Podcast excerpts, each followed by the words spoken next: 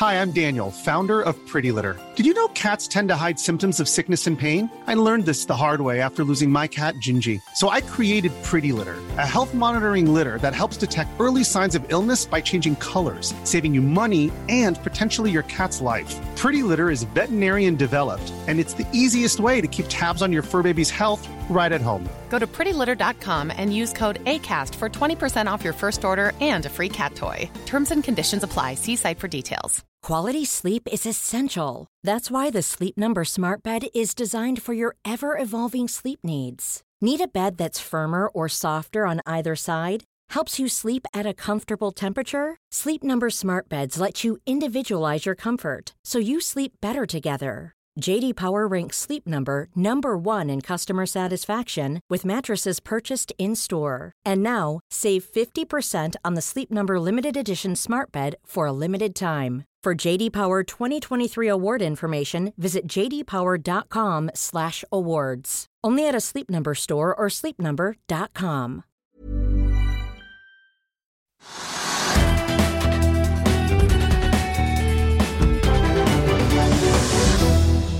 En eh, riktig god mandag og velkommen til Økonominyhetene på denne første børsdagen i oktober. Og etter nedturen i september så er nok mange spent på hva som vil skje i tiden fremover.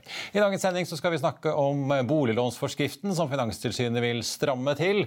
Og så blir det teknisk analyse av SalMar etter laksekrakket i forrige uke. Men først skal vi se litt på eh, markedet og andre nyheter som har preget dagen.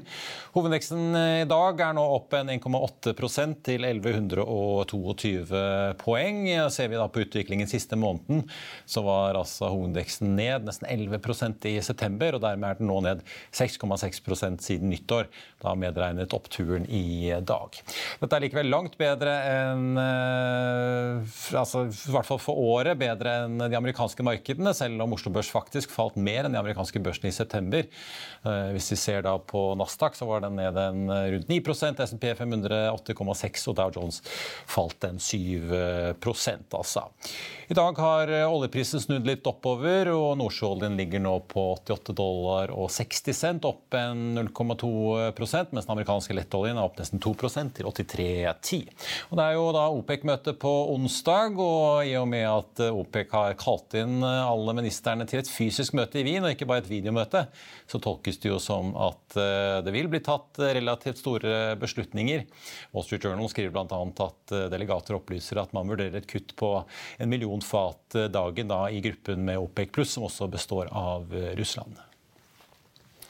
Bakkafrost klatrer 8 i dag etter at regjeringen på Færøyene fredag la frem et skatteforslag for sin oppdrettsnæring. og Fredag steg altså aksjen også 4,4% men det skjer jo da etter et kraftig fall da onsdag og torsdag i forrige uke på snaue 6 og 13% henholdsvis onsdag og torsdag. Da Bakkafrost ble får vi si, tatt med i dragsuget av alle de andre sjømataksjene som falt etter det norske skatteforslaget kom på bordet. Analytiker Nils Thommessen i Fearnleys kaller eh, kursen på eh, oss nå en kjøpsmulighet. Og Sjømatindeksen er opp 3,6 eh, i dag. Den var opp 3,5% på fredag. Etter de store fallene på 21% onsdag og ytterligere 5 på torsdag i forrige uke. Orkla annonserte i dag et oppkjøp av eh, Denali Ingredients i Wisconsin i USA. De skal kjøpe 84% av aksjene i det Orkla beskriver som et ledende selskap innenfor iskremingredienser i det amerikanske markedet. Kjøpet verdsetter selskapet til 2,2 milliarder kroner med dagens dollarkurs. og Orkla-aksjen har ligget ned rundt prosenten gjennom dagen. For å ta med Tekna, som kommer med et resultatvarsel i dag. De venter nå en omsetning i andre halvår i år, omtrent på samme nivå med samme periode i fjor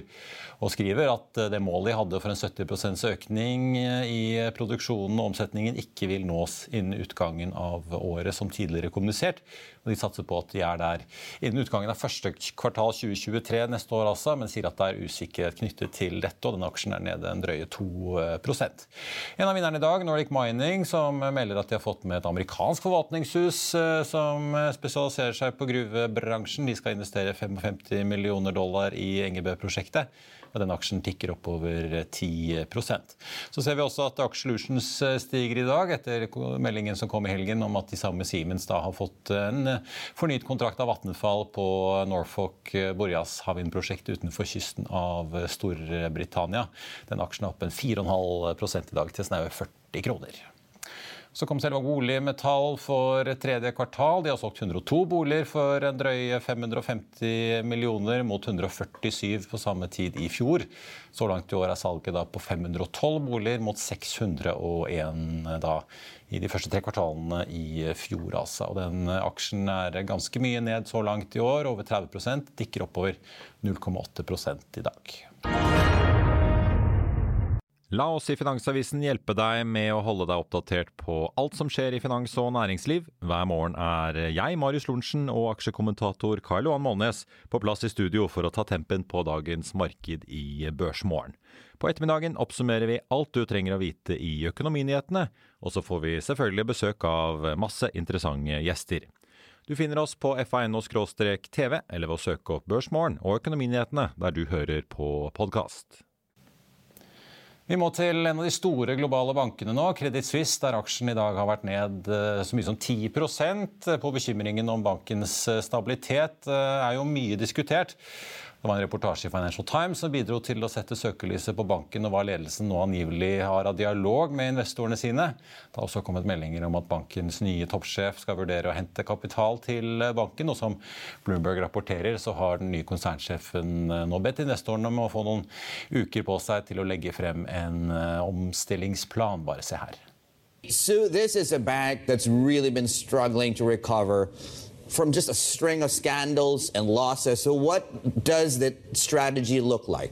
Well, the interim strategy, they're going to put out their turnaround strategy at the end of the month, October 27th. We do know that the CEO has been working very hard to ease investor and staff confidence in the interim, putting out the second end of week memo in two weeks uh, as the stock fell to a new low and default swaps rose. The CEO reassuring staff the bank has a strong capital base and liquidity position. He also told the staff he plans to send them regular updates until they come out with this formal strategic plan on October 27th. Now, Kerner was named CEO in late July. He's had to deal with market speculation, banker exits, and these capital doubts as he tries to turn things around. Clearly, the turbulent markets of late have not helped as to the questions about rising default swaps. Last week, the cost of Credit Suisse, or I should say the cost of insuring Credit Suisse's bonds against default climbed about 15%. That's to levels not seen since 2009. Again, that was as the stock hit a fresh low. The bank's market cap dropped to around 10 billion Swiss francs. That's just over 10 billion US dollars, meaning any share sale would be highly dilutive to long time holders.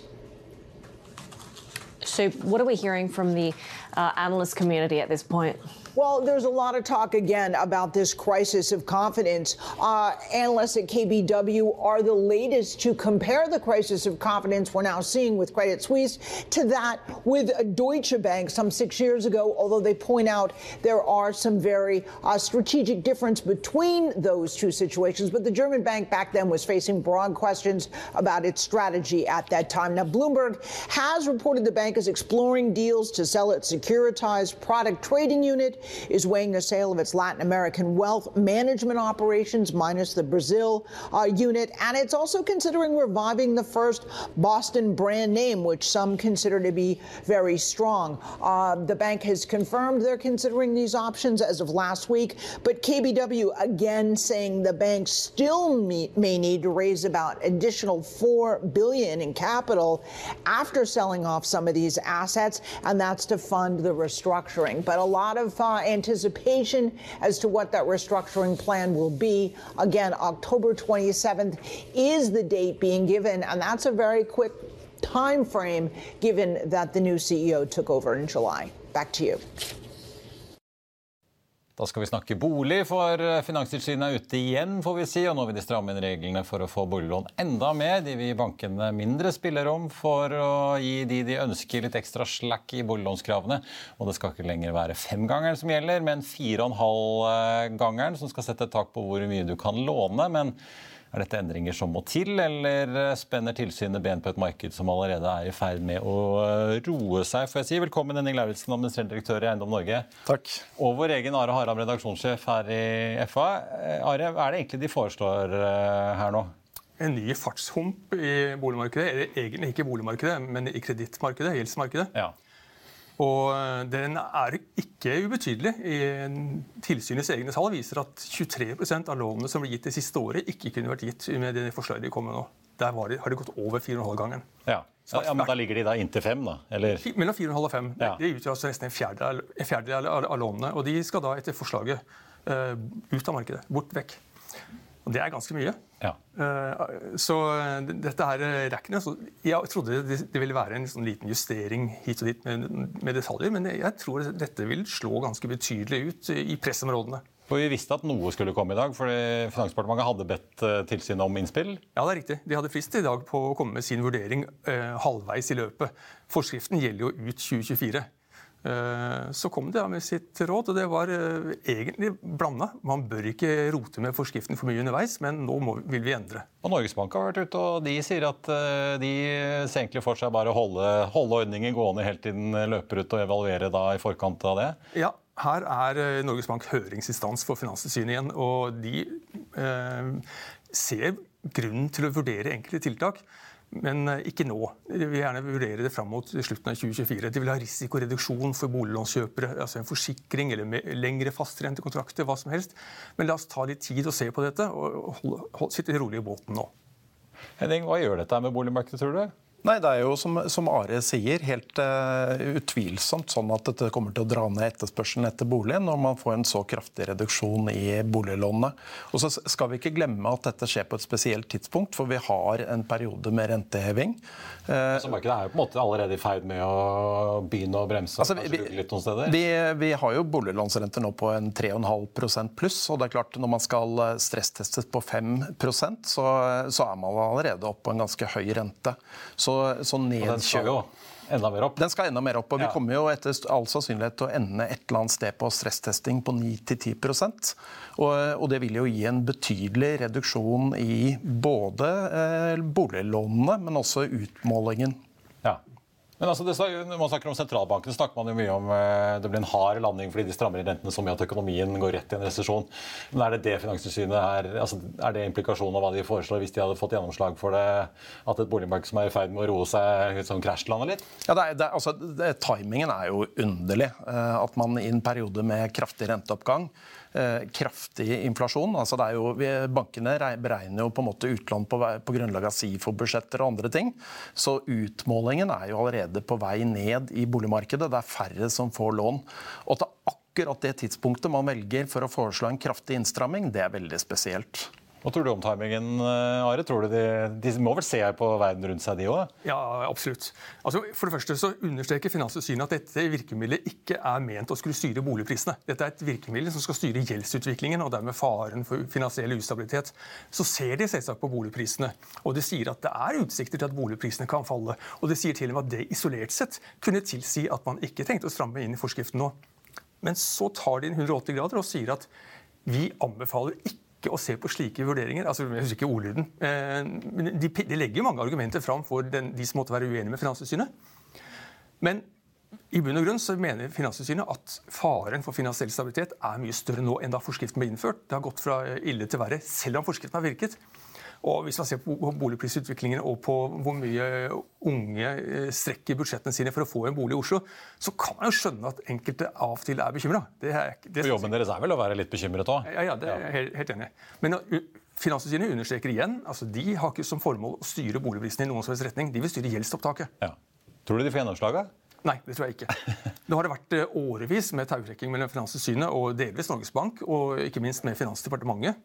Det er ikke mer enn et år siden Finansdepartementet måtte sette seg opp på Finanstilsynet og instruere dem i full offentlighet at de avvek fra tolkningen av sånn risikovektgreier. Eh, det var sendt mange snille brev, tydelige, men snille brev i offentlighet. Og så, så til slutt så holdt det ikke. Bang, sa Sanner. Ja. Her har vi bestemt. Her er en ny arena hvor Finansdepartementet vil uh, vise hvem som er sjefen. og jeg tror ikke Vedum vil være sjefen som på toppen av alt det andre han må håndtere nå, skal få ansvaret for at boligprisene kanskje faller enda mer. Så uansett hva han måtte mene, så tror jeg ikke han vil tørre å bidra til dette her nå. Nei. Hva tror du, Henning? Jeg husker jo i sin tid, eh, for denne ordningen, altså denne forskriften kom vel opprinnelig i 2015 eh, ja, den, i første omgang. Ja. Så har den jo blitt justert litt underveis. Men jeg husker jo at eh, i hvert fall Siv Jensen, tidligere Frp-leder i valgkampen i 2013, gikk jo og skrøt at eh, hun skulle kutte egenkapitalkravene til bankene så det ble lettere å få boliglån. Så gikk det jo ikke lang tid, så fikk jo tilsynet i hvert fall deler av viljen sin ved at dette her kom inn. Eh, tror du de får noe gjennomslag i det hele tatt, eller? Nei, jeg tror det er helt usannsynlig at de får gjennomslag for dette. Og eh, vi, vi, er jo også i en situasjon hvor gjeldsveksten er brakt ned av forskriften, altså til tross for høye boligpriser, eller høye boligpriser under pandemien. Og så skal vi ikke glemme inflasjonen. Altså Inflasjonen bringer jo også gjeldsveksten nedover, eller totalgjelden nedover. Så i øyeblikket så kan vi jo på en måte si at vi har realgjeldsnedgang. Og da er det jo spesielt å skulle gjøre noe for å dempe gjeldsveksten. Det spiser jo fra bunn, den inflasjonen. Ja, et par poeng til det du sier her. Eh, ifølge Norges Banks beregninger, og Norges Bank ønsker ikke å endre forskriften, så vil rente- og gjeldsbelastningen bli fordoblet fram til 2024. Og Det er da nominelt, men likevel reelt vil det være en, en økning. Så, så, vi er ikke der at gjeldsberget svinner under beina på oss mens det står her. Det, så langt er vi ikke kommet ennå.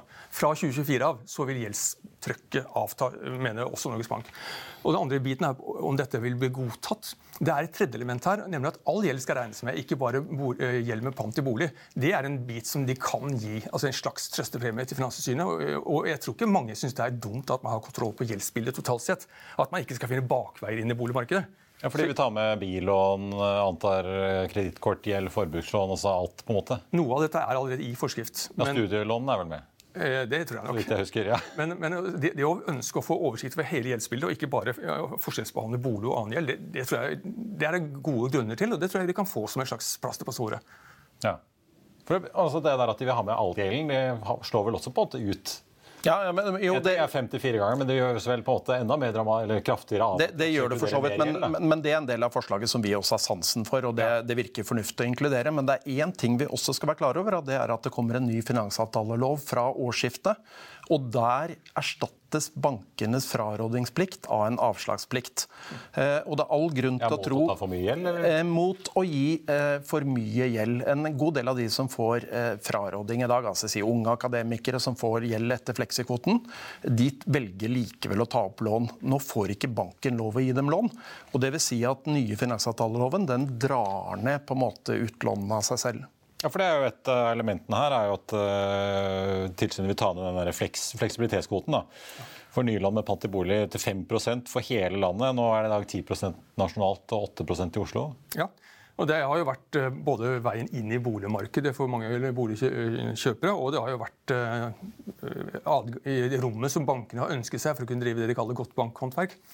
Så det, dette vil også trekke inn. Men jeg tror, uten å ha satt, meg, satt og kikka nøye på det, at uh, gjeldstaket vil være det som rammer hardest. Mm. Men så må jeg tenke på vi, vi, diskuterer nå en innstramming i forskriften og timingen på det. Uh, spørsmålet er jo også hvor vi ville vært finansielt stabilitetsmessig hvis vi ikke hadde hatt den forskriften i de årene som har vært. Jeg kan tenke meg at en del banker ville gått litt bananas hvis man med tilnærmet nullrente ikke skulle hatt noen, noe tak. Eh, låneevnen når renta har vært ned på 1 ja, Si at du tåler av 5 eh, omtrent, eller 6 da, ja. ja. Hvis man ikke hadde hatt forskriften i hele tatt, med krav om stresstesting på 5 prosentpoeng høyere rente, så hadde man kunnet gitt lån på svært lave inntekter på svært høye volumer, eh, svært, svært høye beløp. Og når nå rentene er på vei opp, så er det mange som vil sitte i saksa. Mm. Det tror jeg ville vært, eh, altså, jeg, jeg, tror man skal være forsiktig med å si at hele forskriften i sin helhet er eh, Satans verk eh, og ødelegger for eh, boligmarkedet. Jeg tror den har bidratt gjennom å være en fartsbrems. Men så må man se på håndverket i timingen her.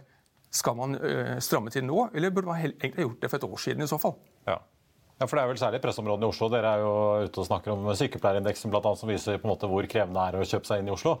Men likevel, det hadde vel vært eh, enda mer bananas hvis folk på en måte fikk låne fritt? Ja, altså jeg er helt enig i at vi har trengt utlånsforskriften, men, men, vi kan jo også si at uh, altså 40% av boligomsetningen i Norge er på det sentrale Østlandet. Uh, og Der har man også de høyeste lånene, og det er et marked som til dels er preget av dårlig tilbudsside. Det bygges for lite. Uh, og så kan vi jo tenke oss at her blir utlånsregulering. Det blir en form for symptomlindring. Altså Fordi man ikke klarer å bygge nok, så får man høyere boligpriser. Det gir høyere gjeldsvekst. Og så går man inn og regulerer den. Hadde man gjort noe med selve boligbyggingen på det sentrale Østlandet, så ville man antagelig ikke trengt så streng utlånsregulering som det vi hadde hatt bakover heller. Men Vil det ikke alltid være på en måte dyrt i hovedstedene, sånn som vi ser i London og New York? Jo, men... Det er alltid dyrest i sentrum, og så er det billigere jo lenger ut du drar? Ut, utvilsomt, men... Så men... låner på en måte folk så mye de tåler for å komme seg nærmest mulig sentrum? Utvilsomt. Hvis vi ser på siste ti år, bare for å ta Oslo kommune som eksempel, så har det, så har det bygd 0,39 boliger per ny innbygger. Eh, Bergen-Trondheim ligger mellom 50 og 60% og har en mye mer moderat boligprisvekst siste ti år. Eh, så det er ganske åpenbart at det er noen sammenhenger mellom tilbudssiden og boligprisene. Og det kan man løse hvis man vil. Men ikke over natta. Ikke det tar litt tid å få regulert noen tomter og fått satt i gang eh, byggingen. Så det snakker vi om tiltak som vil ha effekt om tre, og fem og sju år. Ja. I hvert fall togtunneler til Ski bygger seg heller ikke på kort tid. Nei, det har jeg hørt. det tar litt tid. Du, det, til slutt må vi snakke om, Jeg vet ikke hvor mye du vil si Henning, om eh, tallene du skal legge frem på onsdag om eh, boligprisene for september. Vi venter jo spent. Ja, altså Det jeg kan si er jo at Vi venter et eh, marked som begynner å merke renten i månedene fremover. Og, eh, og, Vi hadde jo et veldig moderat boligmarked før pandemien kom, og det tror vi vi kommer tilbake til. Ja, for det er opp 9,1 skjønte jeg på deg så langt i år? Opp 9,1 hittil i år. Vi har hatt en veldig svak tilbudsside. Vi hadde en ny avhendingslov som gjorde at det gikk litt treigere en periode. Vi har hatt mange ting som, som, på en måte har gjort tilbudssiden svak. Mm. Eh, etter hvert så kommer både tilbudssiden å komme tilbake, men også renten å virke på husholdningen. og det kommer vi til å se se på boligprisene.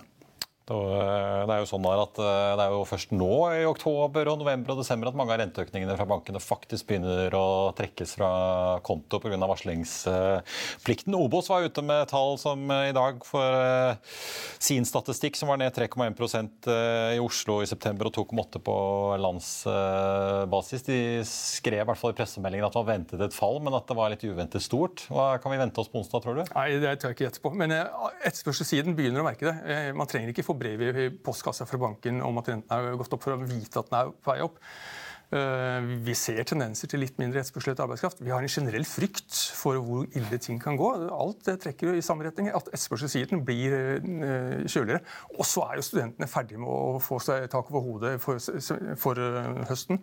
Så at det, blir et, svakere tall enn vi så for et år siden, det tror jeg er ganske lett spådom. Ja. Vi får eh, følge med på onsdag. Takk skal du ha, Henning Lauritzen og Are Haram. På tampen av sendingen tenkte jeg vi skulle ta med litt kurser og andre nyheter. Det har kommet en melding fra oppdrettsselskapet Cermaq, som jo bl.a. driver med fôrproduksjon også. De sier at de nå fryser alle investeringene sine i Norge inntil videre, da i kjølvannet av forslaget om en grunnrentebeskatning på oppdrett som kom her i forrige uke. De har jo da investert 5 milliarder kroner i Finnmark og Nordland siden 2016 og skulle investere tilsvarende beløp i årene fremover, opplyser selskapet. Men dermed gjør altså Cermaq, som eh, Grieg Seafood også har annonsert at de gjør, altså legger investeringene på is. Tenkte også vi skulle ta med på tampen litt om hovedindeksen ned da nei, unnskyld, opp 1,9% til 1123 poeng. Nordsjøoljen opp 0,3% nå til 88,74. Den amerikanske lettoljen ligger på 83,33. Store taperen på børsen, Instabank, hvor det kom melding i helgen om at danske Lunar ikke vil kjøpe banken likevel. Den er ned nå 13% til 2 kroner og 14. Det har jo vært varslet da eh, rettslige skritt i den saken. SAS eh, også en stor taper i dag, ned 12% Selskapet har jo kommet med litt oppdaterte estimater for hvordan de ser for seg at resultatene til selskapet skal bli fremover. Eh, selvfølgelig da litt avhengig av prosessen ut av chapter 11. Store vinneren i dag, Havyard, opp 12 uten at det har kommet noen nyheter fra selskapet. Og ikke minst også Bakkafrost, da, som er opp nå 9 eh, da etter en ganske solid nedtur i forrige uke. Selv om altså, de ikke har noe oppdrettsvirksomhet i Norge, men på Færøyene.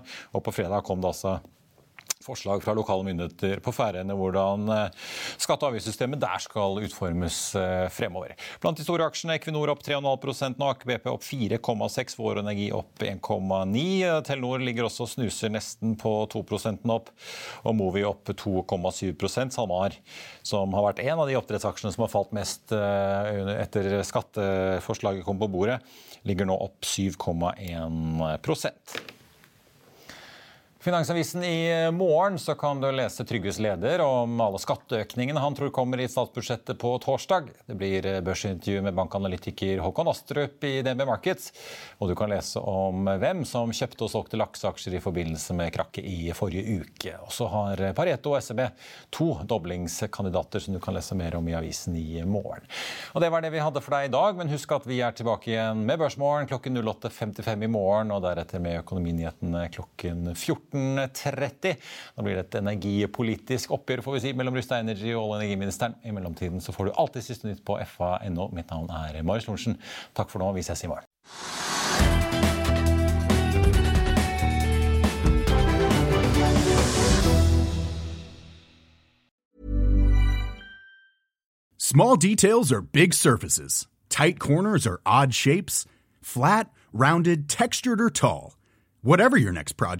There's a spray paint pattern that's just right. Because Rust new Custom Spray 5 and 1 gives you control with five different spray patterns. So you can tackle nooks, crannies, edges, and curves without worrying about drips, runs, uneven coverage, or anything else. Custom Spray 5 and 1. Only from Rust Hey, it's Danny Pellegrino from Everything Iconic. Ready to upgrade your style game without blowing your budget? Check out Quince. They've got all the good stuff shirts and polos, activewear, and fine leather goods, all at 50 to 80% less than other high end brands. And the best part? They're all about safe, ethical, and responsible manufacturing. Get that luxury vibe without the luxury price tag. Hit up quince.com slash upgrade for free shipping and 365 day returns on your next order. That's quince.com slash upgrade. As humans, we're naturally driven by the search for better. But when it comes to hiring, the best way to search for a candidate isn't to search at all. Don't search, match with Indeed. When I was looking to hire someone, it was so slow and overwhelming. I wish I had used Indeed. If you need to hire, you need Indeed. Indeed is your matching and hiring platform with over 350 million global monthly visitors, according to Indeed data, and a matching engine that helps you find quality candidates fast. Ditch the busy work. Use Indeed for scheduling, screening, and messaging so you can connect with candidates faster. And Indeed doesn't just help you hire faster. 93% of employers agree Indeed delivers the highest quality matches compared to other job sites, according to a recent Indeed survey. And listeners of this show will get a $75 sponsored job credit to get your jobs more visibility at Indeed.com slash podcast. That's Indeed.com slash podcast. Terms and conditions apply. Økonominyhetene er en podkast fra Finansavisen. Programledere er Marius Lorentzen, Stein Ove Haugen og Benedikte Storm Bamvik. Produsenter er Lars Brenden Skram og Bashar Johar. Og ansvarlig redaktør er Trygve Hegnar.